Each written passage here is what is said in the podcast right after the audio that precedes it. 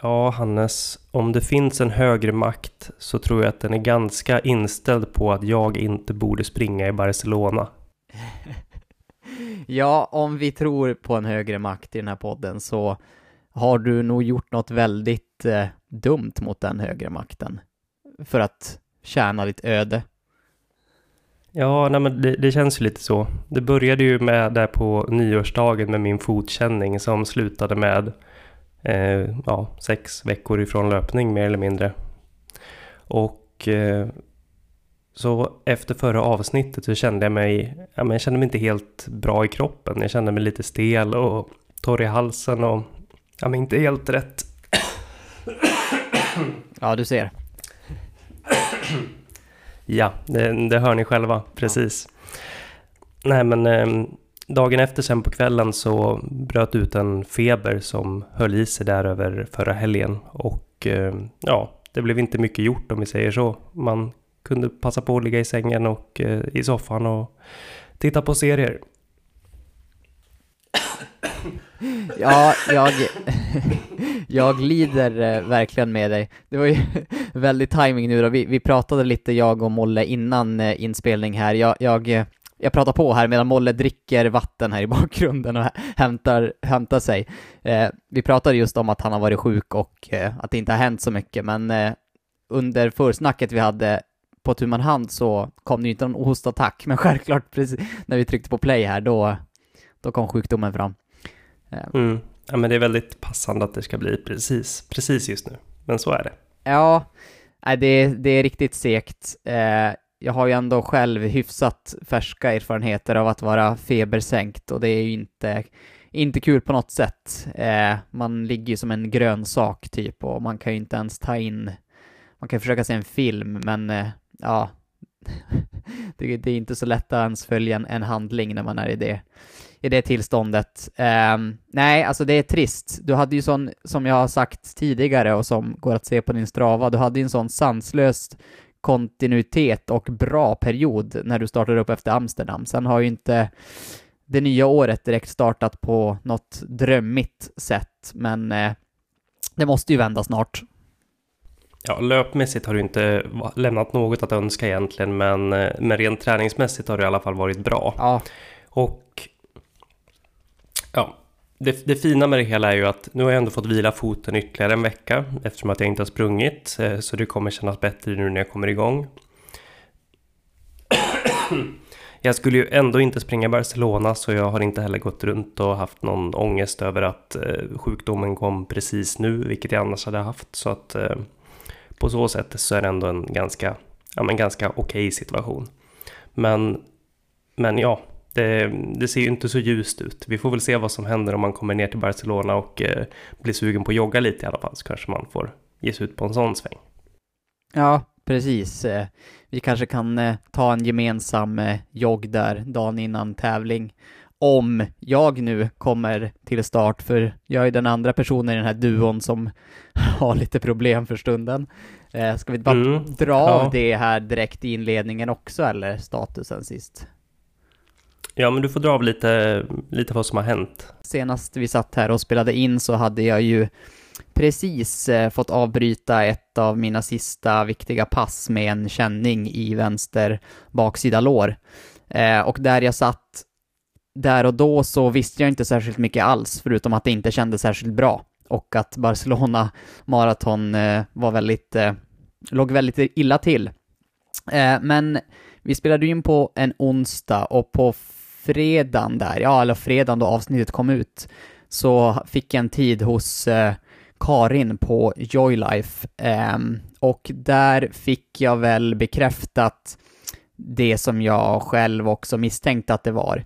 Och hon, eh, hon kunde känna då eh, att jag var väldigt här, stel och hon hittade liksom en punkt eh, på baksida lår där hon kände att det var eh, att det var en överansträngd muskel eh, som det rör sig om. Eller det kan också kallas en mikrobristning. Eh, men hon kunde väl ganska tidigt konstatera att eh, det inte var något allvarligt eller något som skulle göra att jag skulle vara borta väldigt länge. Eh, och hon liksom, ja, gick igenom övriga kroppen, tittade efter obalanser, tittade mm, styrka i båda benen, i fötterna och ja, hela, hela köret och fick liksom konstaterat att allt i övrigt var precis som det skulle. Så det var ju skönt att veta att ja, det rörde sig just om eh, en överansträngd muskel och hon frågade ju då såklart om jag gjort något liksom särskilt under senaste perioden som kan ha triggat det, eh, det här och det är klart att jag förklarade ju min eh, situation med att jag tränade inför det här maratonet och att jag hade haft väldigt hög volym under senaste veckorna och verkligen pushat mina gränser så att om det, var, om det var någon gång som jag skulle åka på en sån överansträngning så var det ju definitivt där jag var där och då. Att jag gick helt enkelt lite över gränsen. Men eh, som sagt, jag fick löpförbud eh, fram till eh, idag när vi spelar in onsdag. Och eh, jag var även på ett återbesök hos Karin på Joylife i måndags. Och eh, då fick jag även eh, eh, ultraljud eh, på låret. Så att eh, då gick de in och kunde se även hur det, hur det såg ut. Och det rörde, då hade det läkt ganska fint sen sist. Och även direkt när jag kom dit kunde hon känna på låret att liksom det var ännu mjukare, att, att eh, överansträngningen redan hade gått ner och sen visade ultraljudet också att det rörde sig om små, små, små bristningar i låret. Eh, men att jag antagligen skulle kunna sprungit på det liksom tidigare än vad jag nu gjorde, men det var ju såklart det bästa att, eh, det bästa att vila. Eh, så, ja, jag ska dit en gång till eh, innan maran. Ska dit på måndag igen för liksom en sista check. Eh, och eh, det som gäller är att eh, jag har joggat idag onsdag 6 kilometer drygt och det kändes ingenting, vilket är positivt. Och eh, ja, kan jag behålla joggarna smärtfria fram till maran, då kommer jag ge det ett försök. Men om jag känner här under veckan att eh, jag får tillbaka någon känning eller att det är en smärtan överstiger en etta på en 10-gradig skala så kommer jag inte riskera någonting, utan då kommer jag trappa upp långsamt. För det hade varit en sak om jag hade haft den här känningen och skulle gå in i och börja försöka eh, träna normalt igen. Eh, att bara gå in i en träningsperiod, men det som jag ska utsätta kroppen för, det som står på tur är ju liksom allt jag har i ett maraton. Eh, så man får ju vara lite, man får vara lite smart eh, och eh, risken om man går tillbaka för snabbt eller eh, sätter för stort tryck på kroppen för tidigt är ju att jag kanske blir borta sex veckor nästa gång. Och det är det ju inte värt. Ehm, så jag är försiktigt optimistisk och läget ser bättre ut än vad det gjorde för en vecka sedan. Men eh, jag är inte i mål än. Mm. Nej men det är skönt att höra i alla fall att, att du fått ett bra utlåtande och professionellt bemötande. Har du några övningar att köra också? Eh, ja, jag har fått lite egentligen så sa hon att jag kan liksom fortsätta med den eh, eh, allmänna styrkan som jag berättade att jag redan har kört och det tyckte hon var bra. Sen så kunde hon, det jag, som jag egentligen har fått var att eh, hon kunde känna att jag var lite stel i en, eh, i en vänster höft. Eh, så jag har fått lite, eh, att jag skulle köra lite sidoplanka och liknande som, som hon trodde kunde hjälpa till att stärka upp. Men annars så rekommenderade hon egentligen alltså att det var, det var så pass litet också att liksom vilar jag och kör alternativt så kommer nog läkningen gå ganska fort. Och det har det gjort hittills också. Mm. Så ja, som sagt, försiktigt, eh, försiktigt positiv, men eh, ehm, det är inte på något sätt eh, 100% än, men eh, det blir en följetong här sista men spänningen veckorna. Lever i, ja, spänningen lever i podden, onekligen. Så är det definitivt. Ja, om vi tar oss in lite på dagens tema så har vi ju en gäst med oss som för många kanske är ganska känd. Han eh, har på senare år börjat eh, bli en allt mer framstående profil i löparsverige och eh, är numera en av våra allra bästa ultralöpare. Det stämmer. Eh, vi har glädjen att ha med oss Anton Gustavsson som gäst i veckans avsnitt. Och och ja, han har bland annat eh, vunnit SM på 100 kilometer. Eh, det gjorde han förra året. Och vi är många som tror att han snart kommer att stå som ny svensk rekordhållare på den distansen. Åtminstone om man om man följer hans träning och följer hans egna, eh, hans egna målsättningar och hur han pratar om, om, om sin löpning. Så vi är väldigt nyfikna på att höra mer om Antons satsning helt enkelt och om vad han har för mål under 2024. Så här kommer Anton Gustavsson.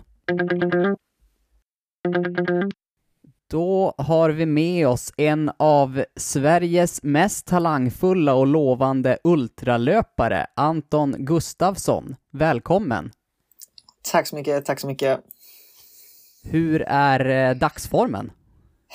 Ja, men den är nog på uppåtgående ändå. Hade haft en liten down här efter ett eh, misslyckat försök till att springa förra helgen ett lopp. Men eh, ja, jag känner försiktigt optimistisk framåt.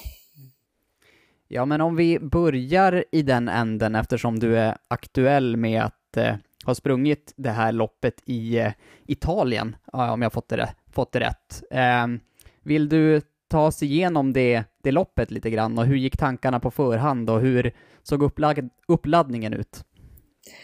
Ja, men eh, tanken var väl att eh, jag har haft det i bakhuvudet ett tag att det hade varit skönt att få ett lopp i benen ganska tidigt på säsongen för att förhoppningsvis kvala in till VM som ska gå i december. Och sen hade jag varit frisk i nio veckor så med fem dagar kvar till loppet bestämde jag mig att ah, nu kör vi. Det var sista anmälningsdagen där på måndag så då anmälde mig och bokade en resa och tänkte att ja, men, jag kan åka dit och göra vad jag kan i alla fall. Men eh, det gick väl inte riktigt som jag hade tänkt, så med två dagar kvar till loppet så började jag känna mig lite hängig. Och, ah, blev väl inte jättesjuk, men tillräckligt för att det skulle påverka loppet så, så att det blev eh, med inte så bra känsla och med lite för hög puls som jag startade loppet och lyckades väl ändå ta mig vad blev det, 74 kilometer till slut men eh, inte riktigt med den känslan som jag hade tänkt och inte hela vägen i mål då. Höll du din planerade tävlingsfart i 70 kilometer? Nej, alltså det gick väl lite, lite långsammare redan från start. Um, men jag höll väl ungefär 3.45 tempo i 50 kilometer. Uh, tanken från början var väl att jag skulle hålla strax under det till att börja med. Men det visste jag redan från start när jag kände hur känslan var att det, det kommer aldrig hålla. Men jag, jag såg det som ett bra träningspass i alla fall. Mm. Ja, men för referens, det svenska rekordet eh, 6.22.44. Om jag inte kan stämma, Nå något sånt. Där. 3.49 ja, tempo i alla fall. Ja, precis. Och eh, då är ju din ambition är ganska tydlig.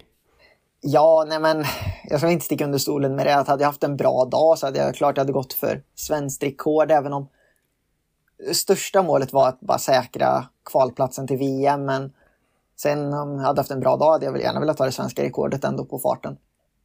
Eh, men som sagt, det kommer nya chanser förhoppningsvis framöver. Och det stora målet för säsongen är fortfarande VM, så det här allt fram till VM i december är bara ett litet plus i kanten. Mm. Ja men eh, spännande. Jag tänker innan vi grottar ner oss mer i, eh, i din träning och vad, eh, hur träningen kommer se ut framåt VM och så vidare, så tänkte jag att eh, fråga, hur blev det löpning från första början för dig?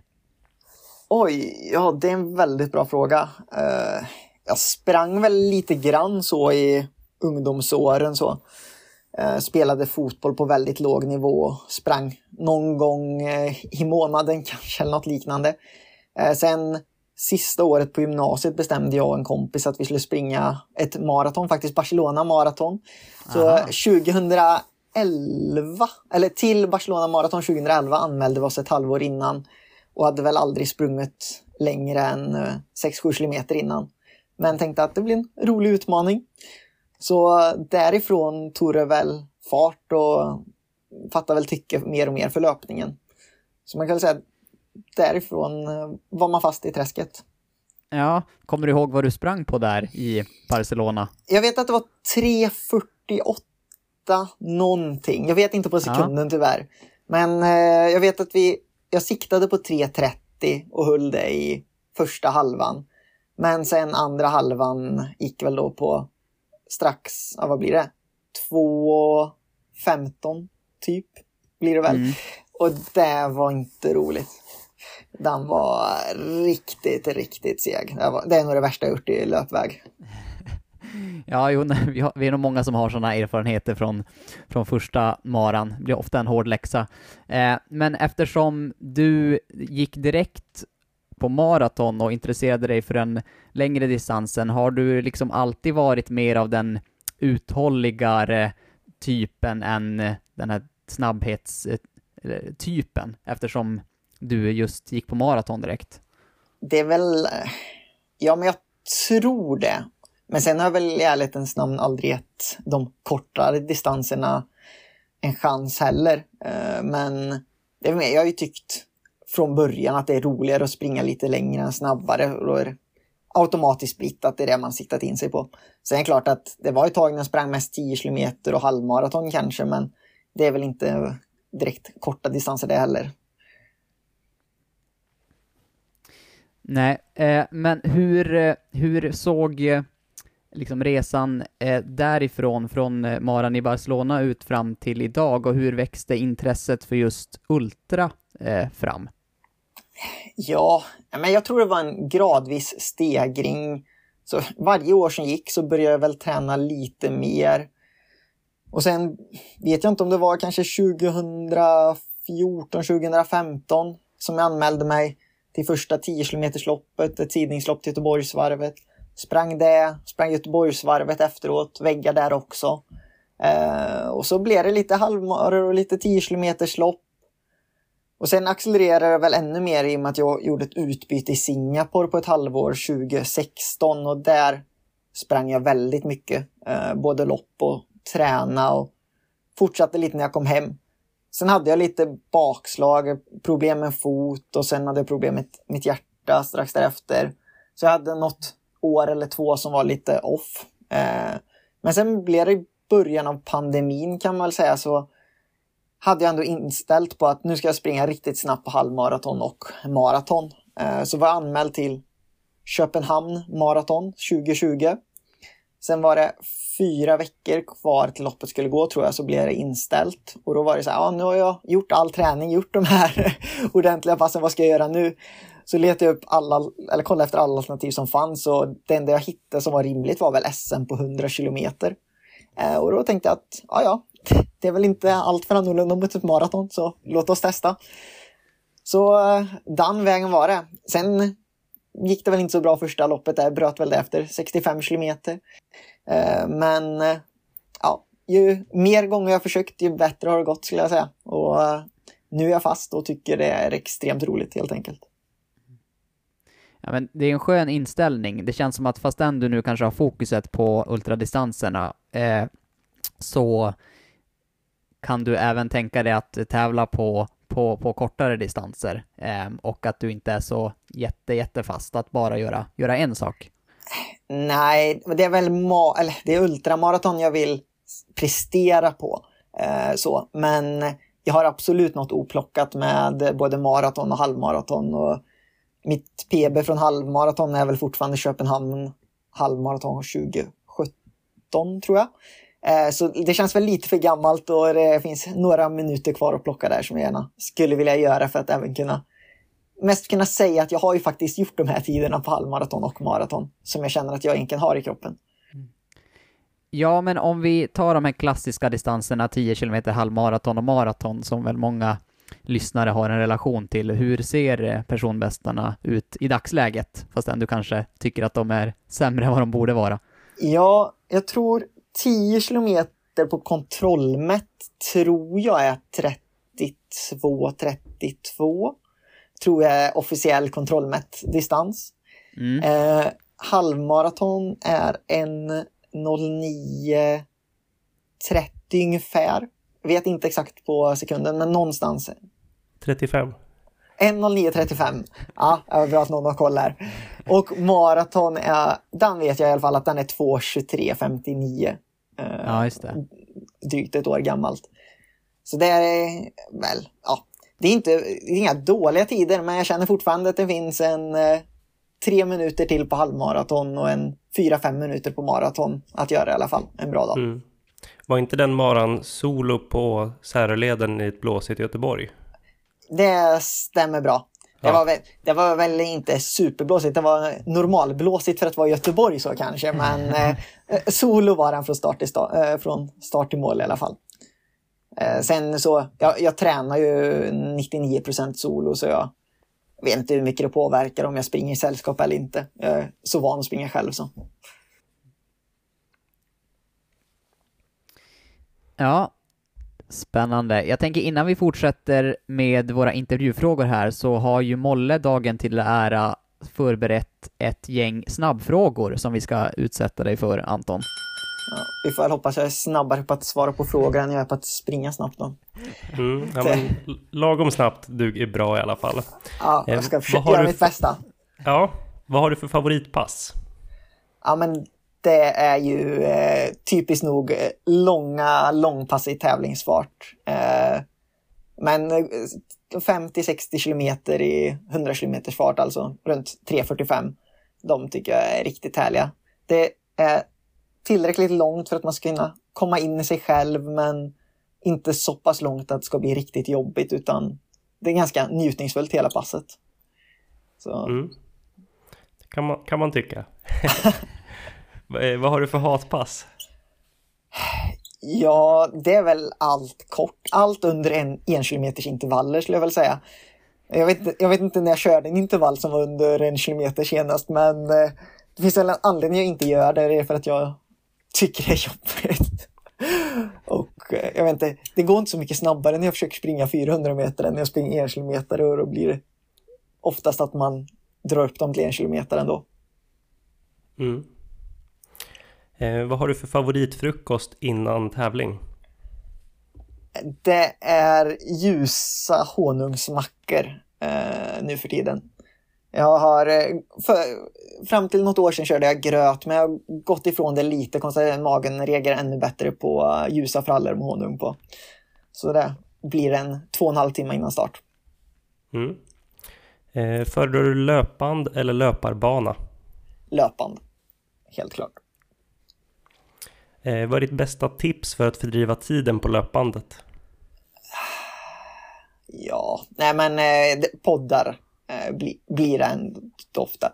Och eh, ha rätt mindset, veta att det tar en eh, 20-30 minuter innan man kommer in i det. Så bara med, är man medveten om det när man börjar så brukar det gå lättare. Mm. Föredrar du löpning i värme eller löpning i kyla? Kyla. Eh, Till, till rimlig nivå. Ja, så länge det är minus 5 eller mellan minus 5 och 10 plus, det, då är det skönt. Eh, vi sätter dig på en öde ö och du får bara ta med dig ett par skor. Vilket par skor skulle du välja? Eh, ja, men det blir nog Hoka Rocket X2. Eh, har du något specifikt lopp du verkligen drömmer om att få springa?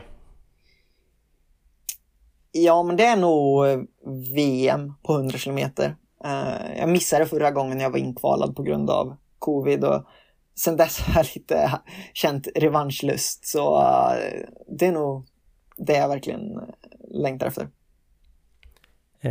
Vill du ha världsrekord på 100 meter, maraton eller 100 kilometer? 100 meter.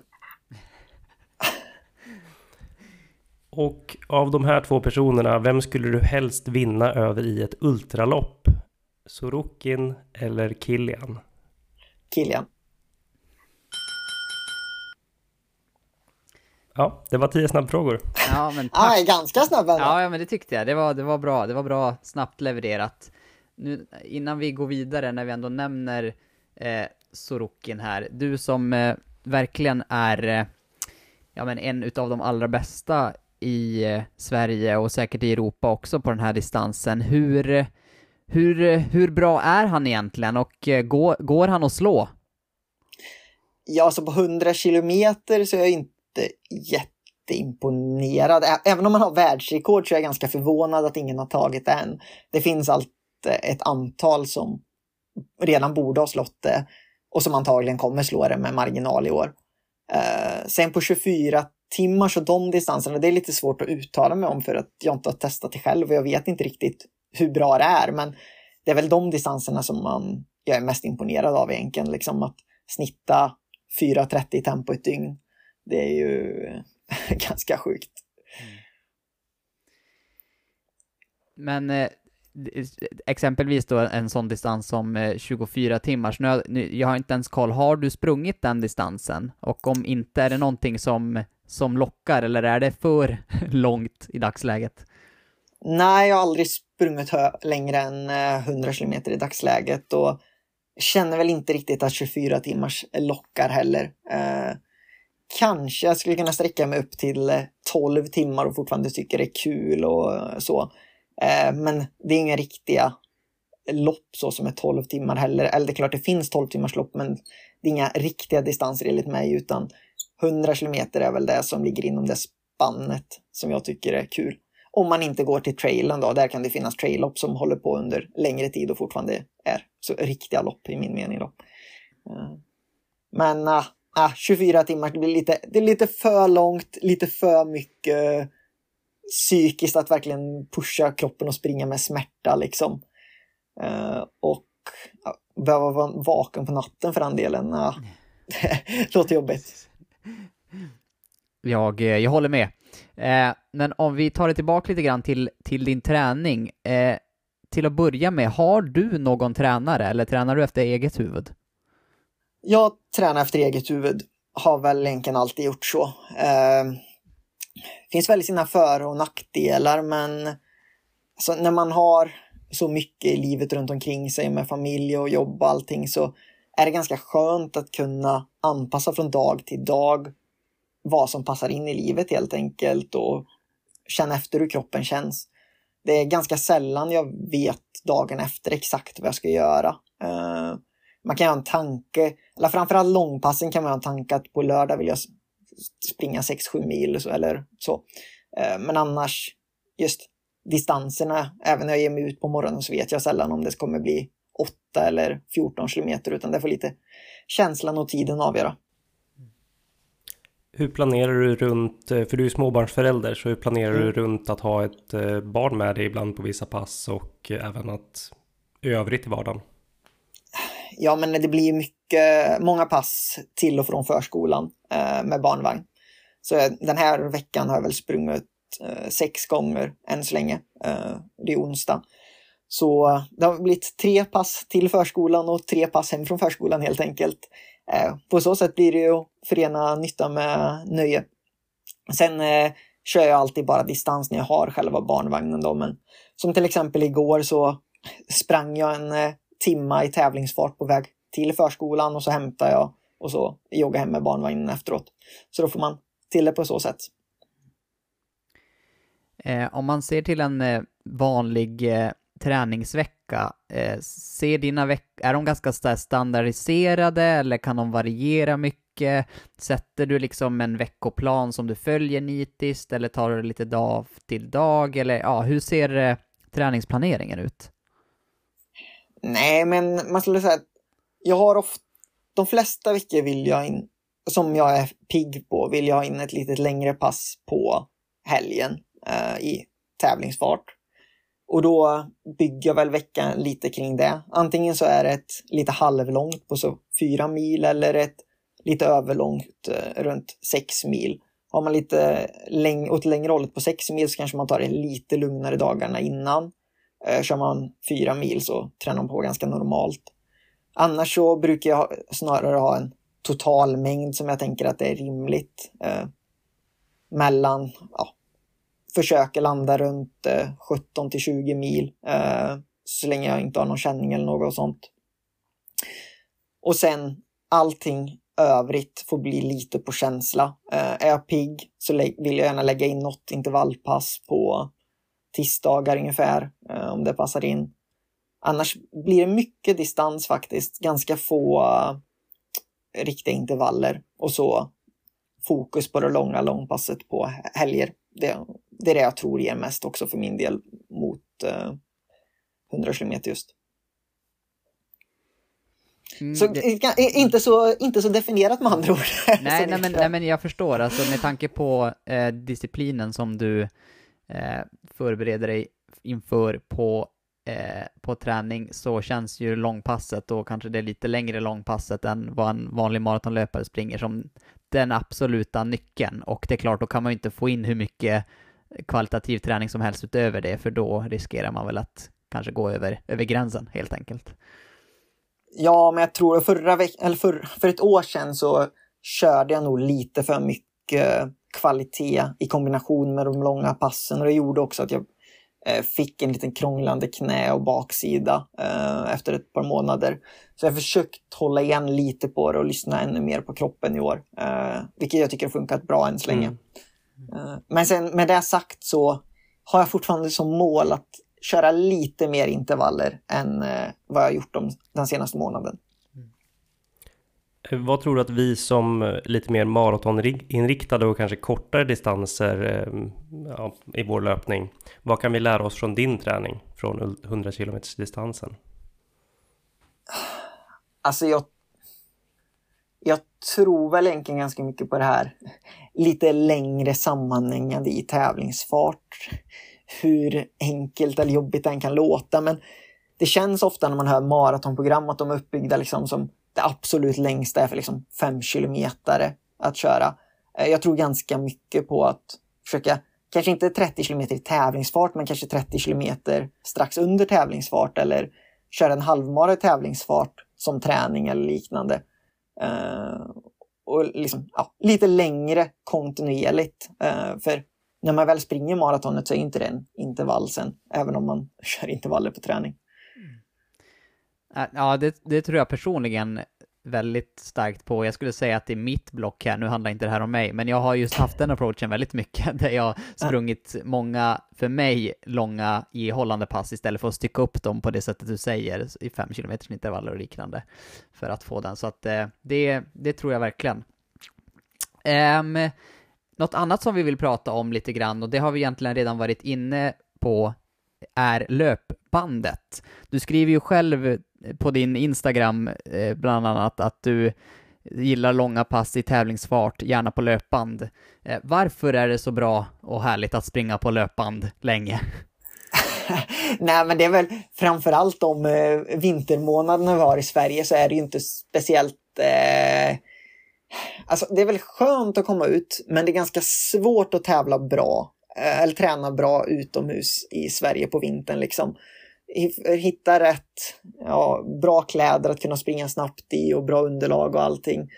Och då är det mycket enklare att bara gå upp på löpbandet och ställa sig och springa. Och där får man också hjälp av att verkligen nöta in de här tävlingsfarterna.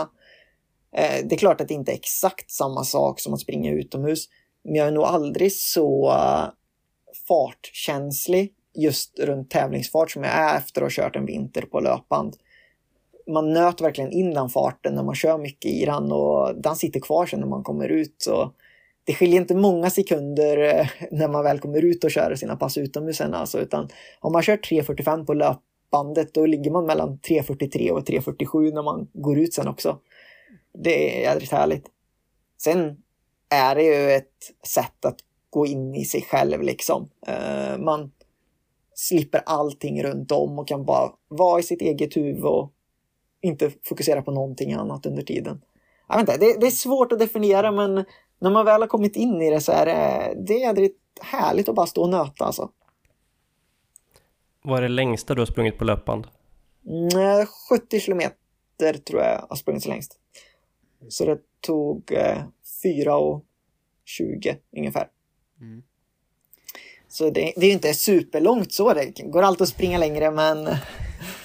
Jag tycker det är ganska långt. Är ganska långt, ja. men ja, det är klart, allt, allt, allt är relativt. Men hur, hur ser det ut? Har du, eh, alltså spring, när du springer på löpband, har du löpband hemma eller åker du till ett gym? Och i sådana fall, har du liksom ett ditt band där som du liksom står och väntar på om det är upptaget, eller hur, hur, hur funkar det? Ja, det är väl eh, lite blandat. Jag har ett väldigt bra löpband hemma faktiskt. Som jag, ah, okay. jag köpte det på en eh, konkursutförsäljning för drygt ett år sedan. Så det var ett, verkligen ett gymband som så här, ja, kostar runt 100 000 i nypris som jag lyckades få för 20 000 trots att det var oanvänt. Eh, så, så det springer jag ju mycket på. Men mm för att inte störa familjen, i och med att löpandet står i ett av våra vardagsrum, så åker jag också och springer på gymmet emellanåt när jag ska springa de här långpassen. Och då försöker jag hålla mig till ett och samma band för att kunna ha jämförelsen just. Men sen, det är bara att konstatera att det skiljer ju ganska mycket mellan, från band till band. Så man får inte bli alltför fast i farter heller, utan man får, är man bara medveten om det på förhand så kan man ju anpassa lite också. Blir det inte, blir, du, du pratade mycket tidigare om att man, att man ställer in sig liksom på sin fart sen när man kommer ut. Mm. Det bygger ju också på att löpandet är ganska exakt i fart så att man inte råkar ställa in sig på 4.10 mm. istället för 3.45 till exempel. Ja men, men så är det ju. Men det, och där har jag ju mitt löpande hemma som jag liksom vet vad det gäller och det som jag nött in på från början. Liksom det är där jag har kört alla mina långa pass från början.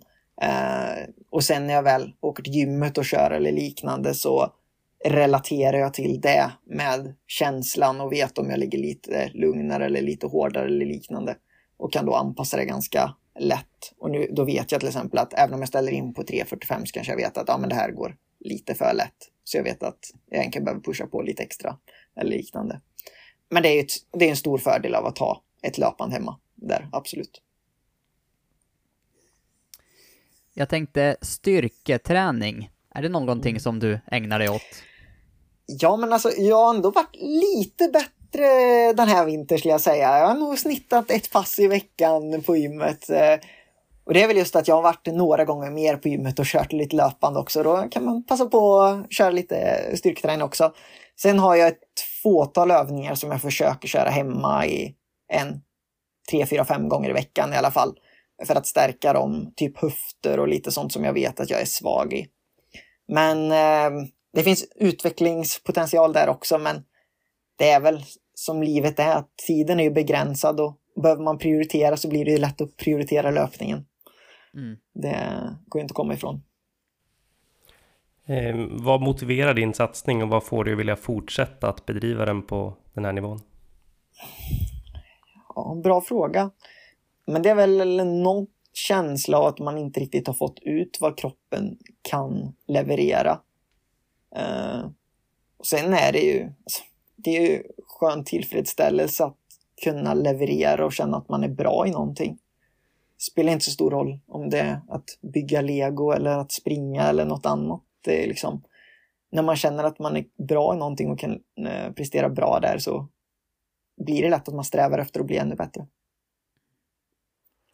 Eh, men det är just, sen ska det inte komma ifrån att det är allmänt väldigt tillfredsställande att vara ute och springa och njutningsfullt också. Men jag springer ju inte 18-20 mil i veckan bara för att det är skönt, utan hade jag bara sprungit för att det var skönt kanske jag hade legat på 10 mil. Sen kommer de sista 8-10 milen för att jag vill bli bra.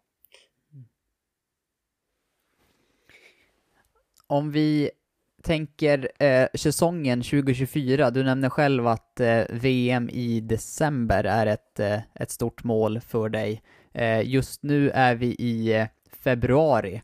Eh, kommer du tävla mer under året? Eh, ja, hur ser tävlingskalendern ut för dig här under 2024?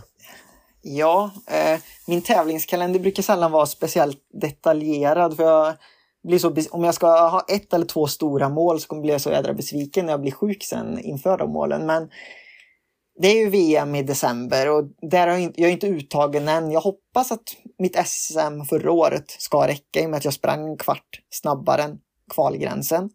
Eh, men det är inte helt säkert. Eh, så om, jag inte, om inte de anser att det räcker så måste jag ju försöka springa kvaltiden på ett annat 100 km lopp. Och eh, då är det framförallt SM i slutet på april som jag planerar att springa.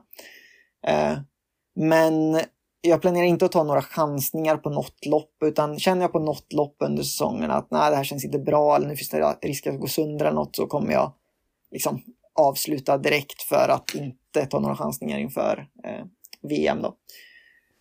Sen så har jag SM på Ultra Trail eh, om två helger på Gotland. Eh, inte anmäld än, men eh, om mitt långpass helgen sitter så planerar jag att anmäla mig till det. Eh, så hoppas jag kunna vara med och slåss om en medalj där. Så det är SM Ultra Trail 16 eh, mars och sen har vi SM på 100 kilometer sex veckor senare.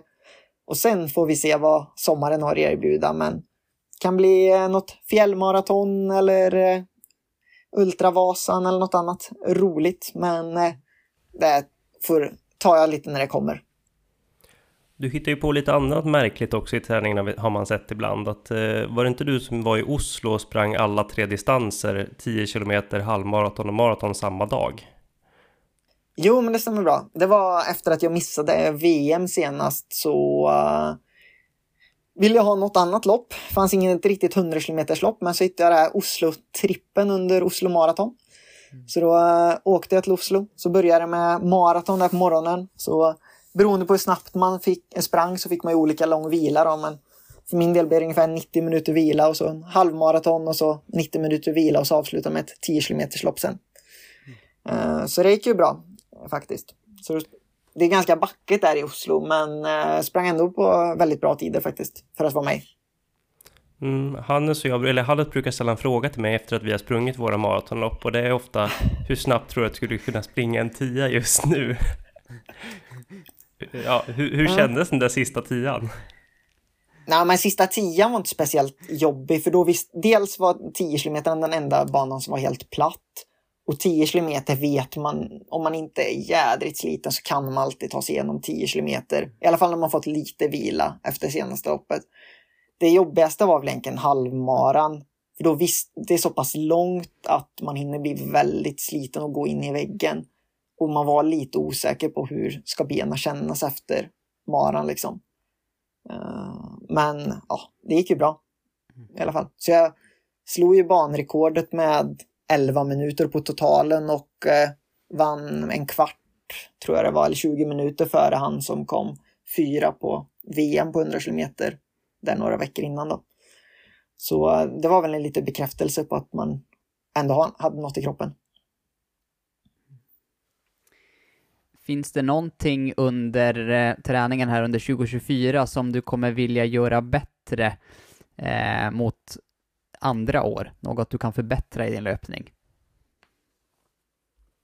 Ja, det är väl en bra fråga. Eh, men eh, jag tror väl egentligen att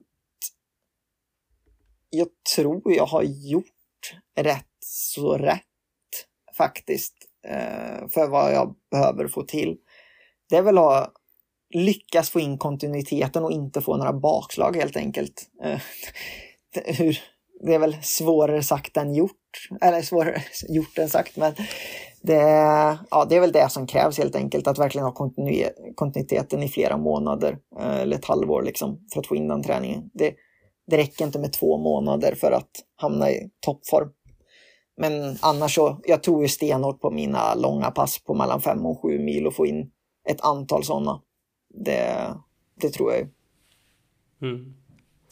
Om du skulle ge tips till någon som eh, vill prova på att springa 100 km men inte har gjort det men kanske har sprungit ett maratonlopp eller liknande. Hur skulle de lägga upp träningen mot sitt första 100 km lopp? Ja, det är väl att eh, försöka ganska tidigt identifiera vad är en rimlig fart att försöka hålla på ett 100 km lopp. Och sen försöka nöta in den eh, farten och inte stressa upp i distans. Jag tror det är jättebra att ha sprungit 6 mil på träning. Eh, men det gäller ju att inte stressa dit för det är ju upplagt för att skada sig om man inte är van vid det. Eh, så är det ju. Men det är väl, det är väl som alla distanser att verkligen nöta in sitt tävlingsfart. Eh, så är det. Och framförallt nutrition blir ju extremt viktigt när man kommer upp i distans. Det är viktigt redan maraton, men såg man ju senast på Söldan att det går ju att springa snabbt även om man inte nailar nutritionen på maraton. Men just 100 kilometer uppåt där tror jag, där måste nutritionen sitta om man vill springa snabbt alltså. Så är det.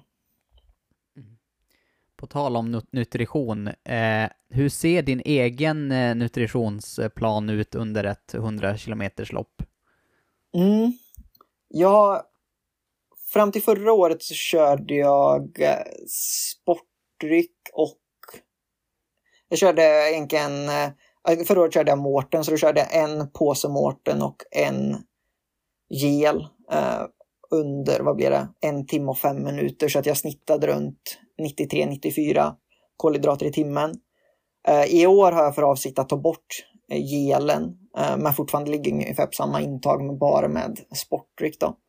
Så då blir det ja, sportdryck motsvarande runt 95 kolhydrater i timmen. För det är vad jag har känt att min kropp klarar av ganska lätt ändå, utan att behöva ta några större risker. Men det gäller ju att träna in det. 95 kolhydrater i timmen är ju väldigt mycket om man inte har tränat med det. Och det är därför också jag, alla mina pass som är längre än fem mil, försöker jag köra med det intaget för att vänja kroppen vid. Mm. Ja, men en sista fundering som jag har här innan vi, vi tackar för ditt deltagande. Vi har ju inte pratat så mycket just om den, eh, den mentala eh, aspekten av att springa väldigt långt. Det det är ju ingen som slipper undan det eh, under långlopp. Jag tänkte, har du något tips så hur du hanterar att eh, liksom stå ut när du har sprungit långt i ett ultralopp och har långt kvar? Hur tänker du? Ah, det viktigaste jag har med mig, det var någon gång jag hörde med Elof Olsson i intervju att vara medveten om att det kommer vara väldigt jobbigt mellan 5 till 7 mil. Och om man väl tagit sig igenom 7 mil så börjar det gå mot mål på ett 100 km lopp. Så det är egentligen det jag försöker ha med mig, att vara medveten om att det kommer bli jobbigt under en viss tid, men att det kommer vända. Eh, sen börjar man tycka att det är jobbigt redan vid 2, 3, 4 mil, då har man antagligen gått för hårt. Så då får man nog revidera hur hårt man egentligen springer. Men sen när man kommer längre in i loppet, då gäller att ha tänkt på det på förväg att det kommer bli jobbigt och eh, inte låta det ta över. Och sen eh, någonting som jag också tagit med det sista är att aldrig bryta ett lopp vid varvning. Alla längre lopp är ju egentligen varvbanor. Och speciellt när det blir 10 km loopar så är det väldigt lätt att bryta vid varvning. Och att då förutbestämt att jag ska aldrig bryta där och ta den enkla vägen ut, det tror jag är ganska bra. Eh, för då när man väl kommer ut på ett lopp, ett nytt varv, så är det all, alltid lättare att slutföra det liksom och ta ett varv åt gången helt enkelt. Mycket, mycket bra. Eh, jag känner mig extremt nöjd med de här svaren vi har fått. Har du något mer du vill fråga Molle eller har du något mer Anton som du vill tillägga som, som du inte har fått sagt? Nej, egentligen inte. Det är väl eh, är ni sugna på att testa ett 100 km lopp? Man kan testa också utan att tränat för det. Så det är ju eh, i Växjö om två månader SM. Det kan man komma och testa. Ganska lagom, troligtvis ganska lagom varmt, lagom lång eh, slinga på 3,2 kilometer.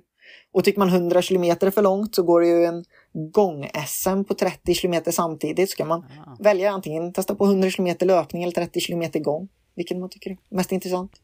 Jag tror jag föredrar 100 km löpning då faktiskt. Det känns mycket behagligare. Ja, mindre risk för att bli diskad i alla fall. Ja, precis. precis.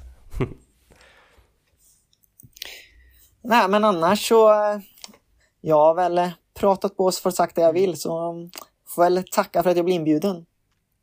Tack så jättemycket eh, Anton och vi eh, önskar dig stort lycka till här under eh, resten av säsongen och ser fram emot att följa dina eh, tävlingsresultat som kommer att ticka in här. Tack för att du var med Anton.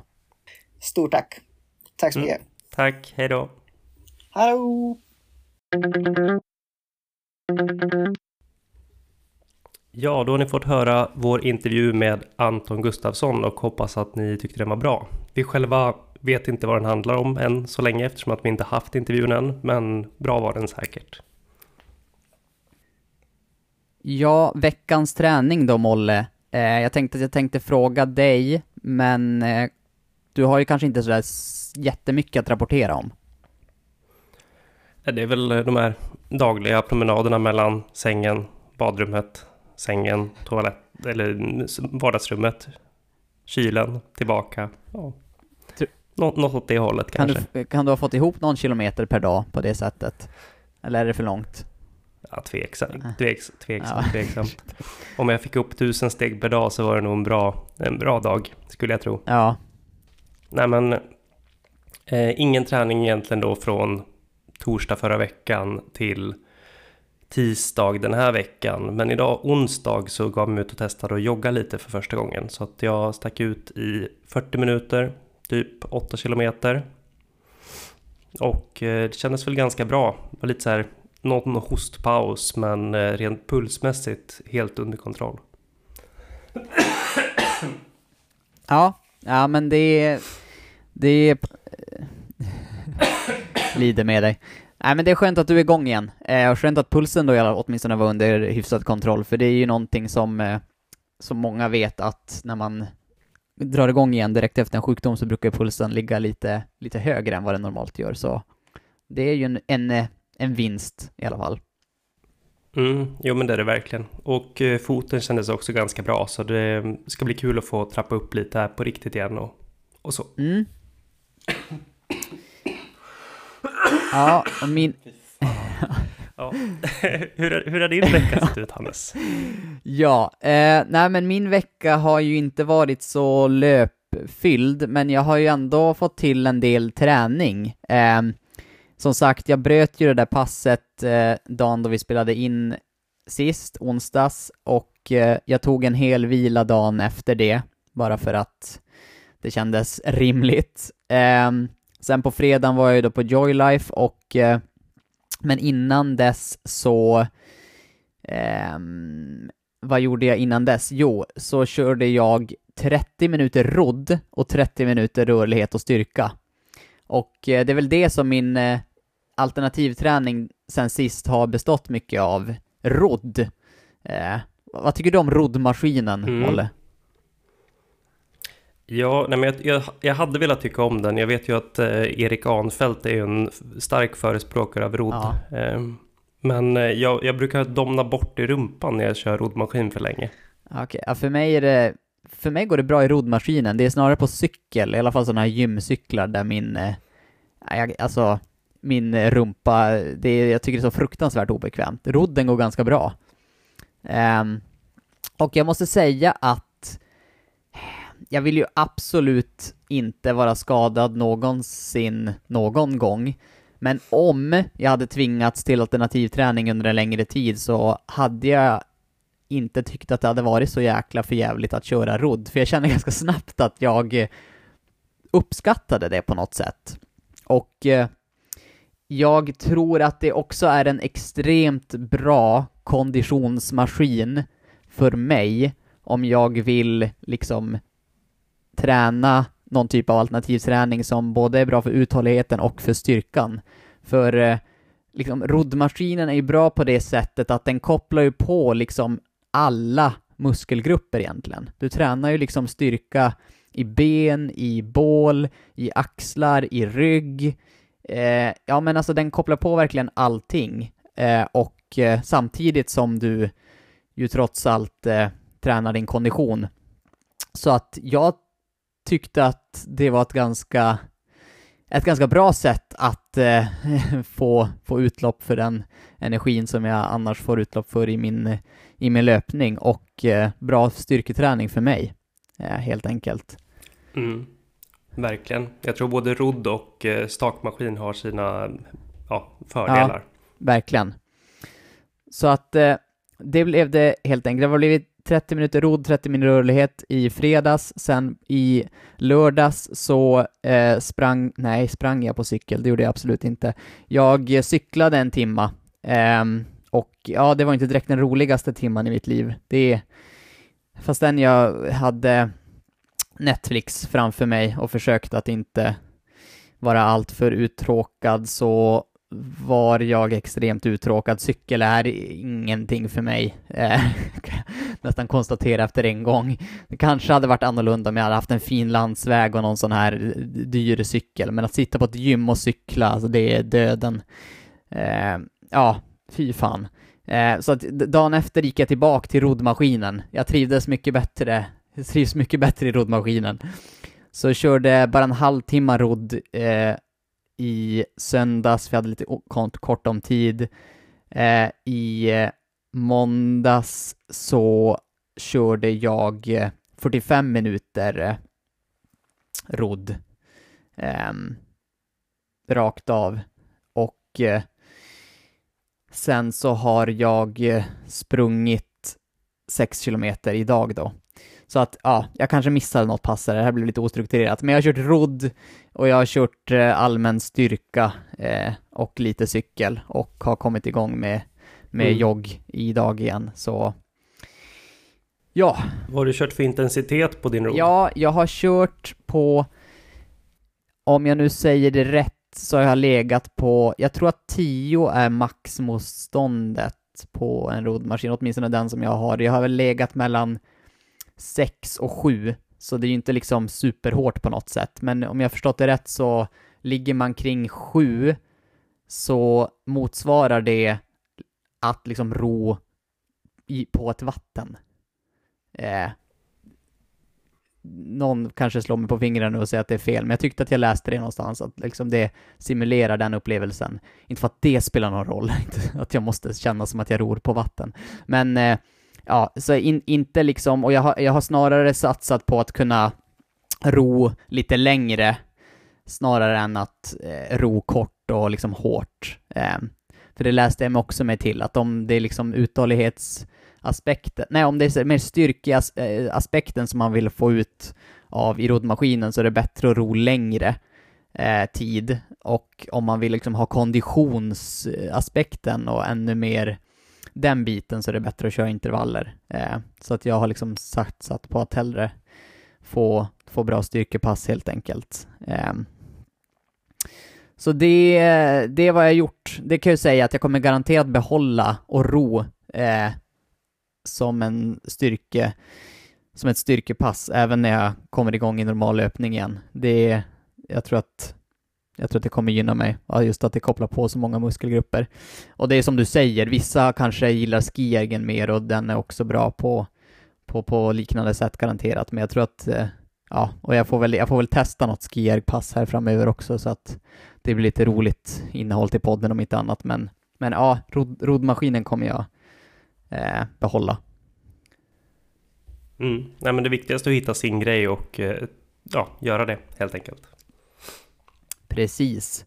Eh, vi har ju pratat lite grann här, jag nämnde ju att jag varit på Joylife och eh, fått behandling. Jag tycker att vi kan påminna en gång till här i podden eftersom man har till nästa vecka på sig att vara med och tävla, att eh, på vår Instagram, så man måste ju då alltså ha en Instagram, så kan man vinna en gratis startplats till Bålsta stadslopp och man kan också vinna en fri behandling hos Joylife. Och eh, jag uppmanar verkligen eh, er som lyssnar att eh, vara med, för i, i, dagsläget så är det inte så många som har bidragit med eh, bidragit i tävlingen och eh, vi har ju betydligt fler lyssnare än vad vi har följare på Instagram, så liksom rent matematiskt borde ännu fler kunna vara med och tävla. Det finns inget att förlora. Um, så... Kik, Lite bra odds på en ja, vinst. Ja, exakt. Oddsen är ganska bra på en vinst just nu. Så uh, all information om det hittar ni i, uh, i, i vårt inlägg på Instagram. Har vi sagt någon sista dag? Nej, alltså jag, vi sa ju att vi skulle presentera vinnarna under vecka 10, men ska vi säga att vi brukar spela in på onsdagar? Eh, vi säger onsdag klockan 12 ja, då, på dagen. Toppen. Lunch. Och nu kan jag inte det i huvudet, men Joylife finns ju också i flera olika städer. Så det gäller ju såklart oavsett vart man, eh, vilken anläggning man väljer. Mm, precis. Bland annat Uppsala, mm, ja, typ Bålsta-trakten, Stockholm och så vidare. Mm. Så ja, tack återigen att, eh, tack till eh, Joylife och Båstad Stadslopp som vill vara med och eh, tävla ut detta till våra lyssnare.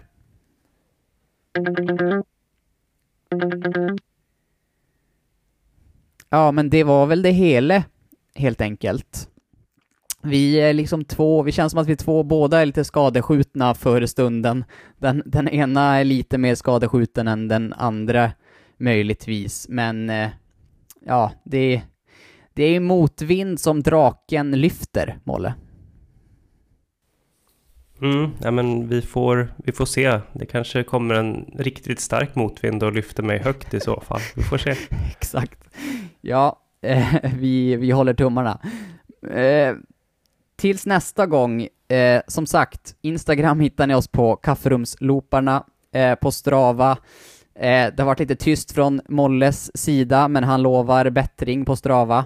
Eh, han heter Molle Olsson där, och jag ska också få bättring på min Strava här nu eh, och ska få in mer löpning igen och jag heter Hannes Bjärnhagen där.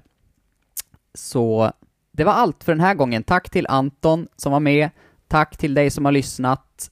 Vi hörs om en vecka igen. Ha det gott!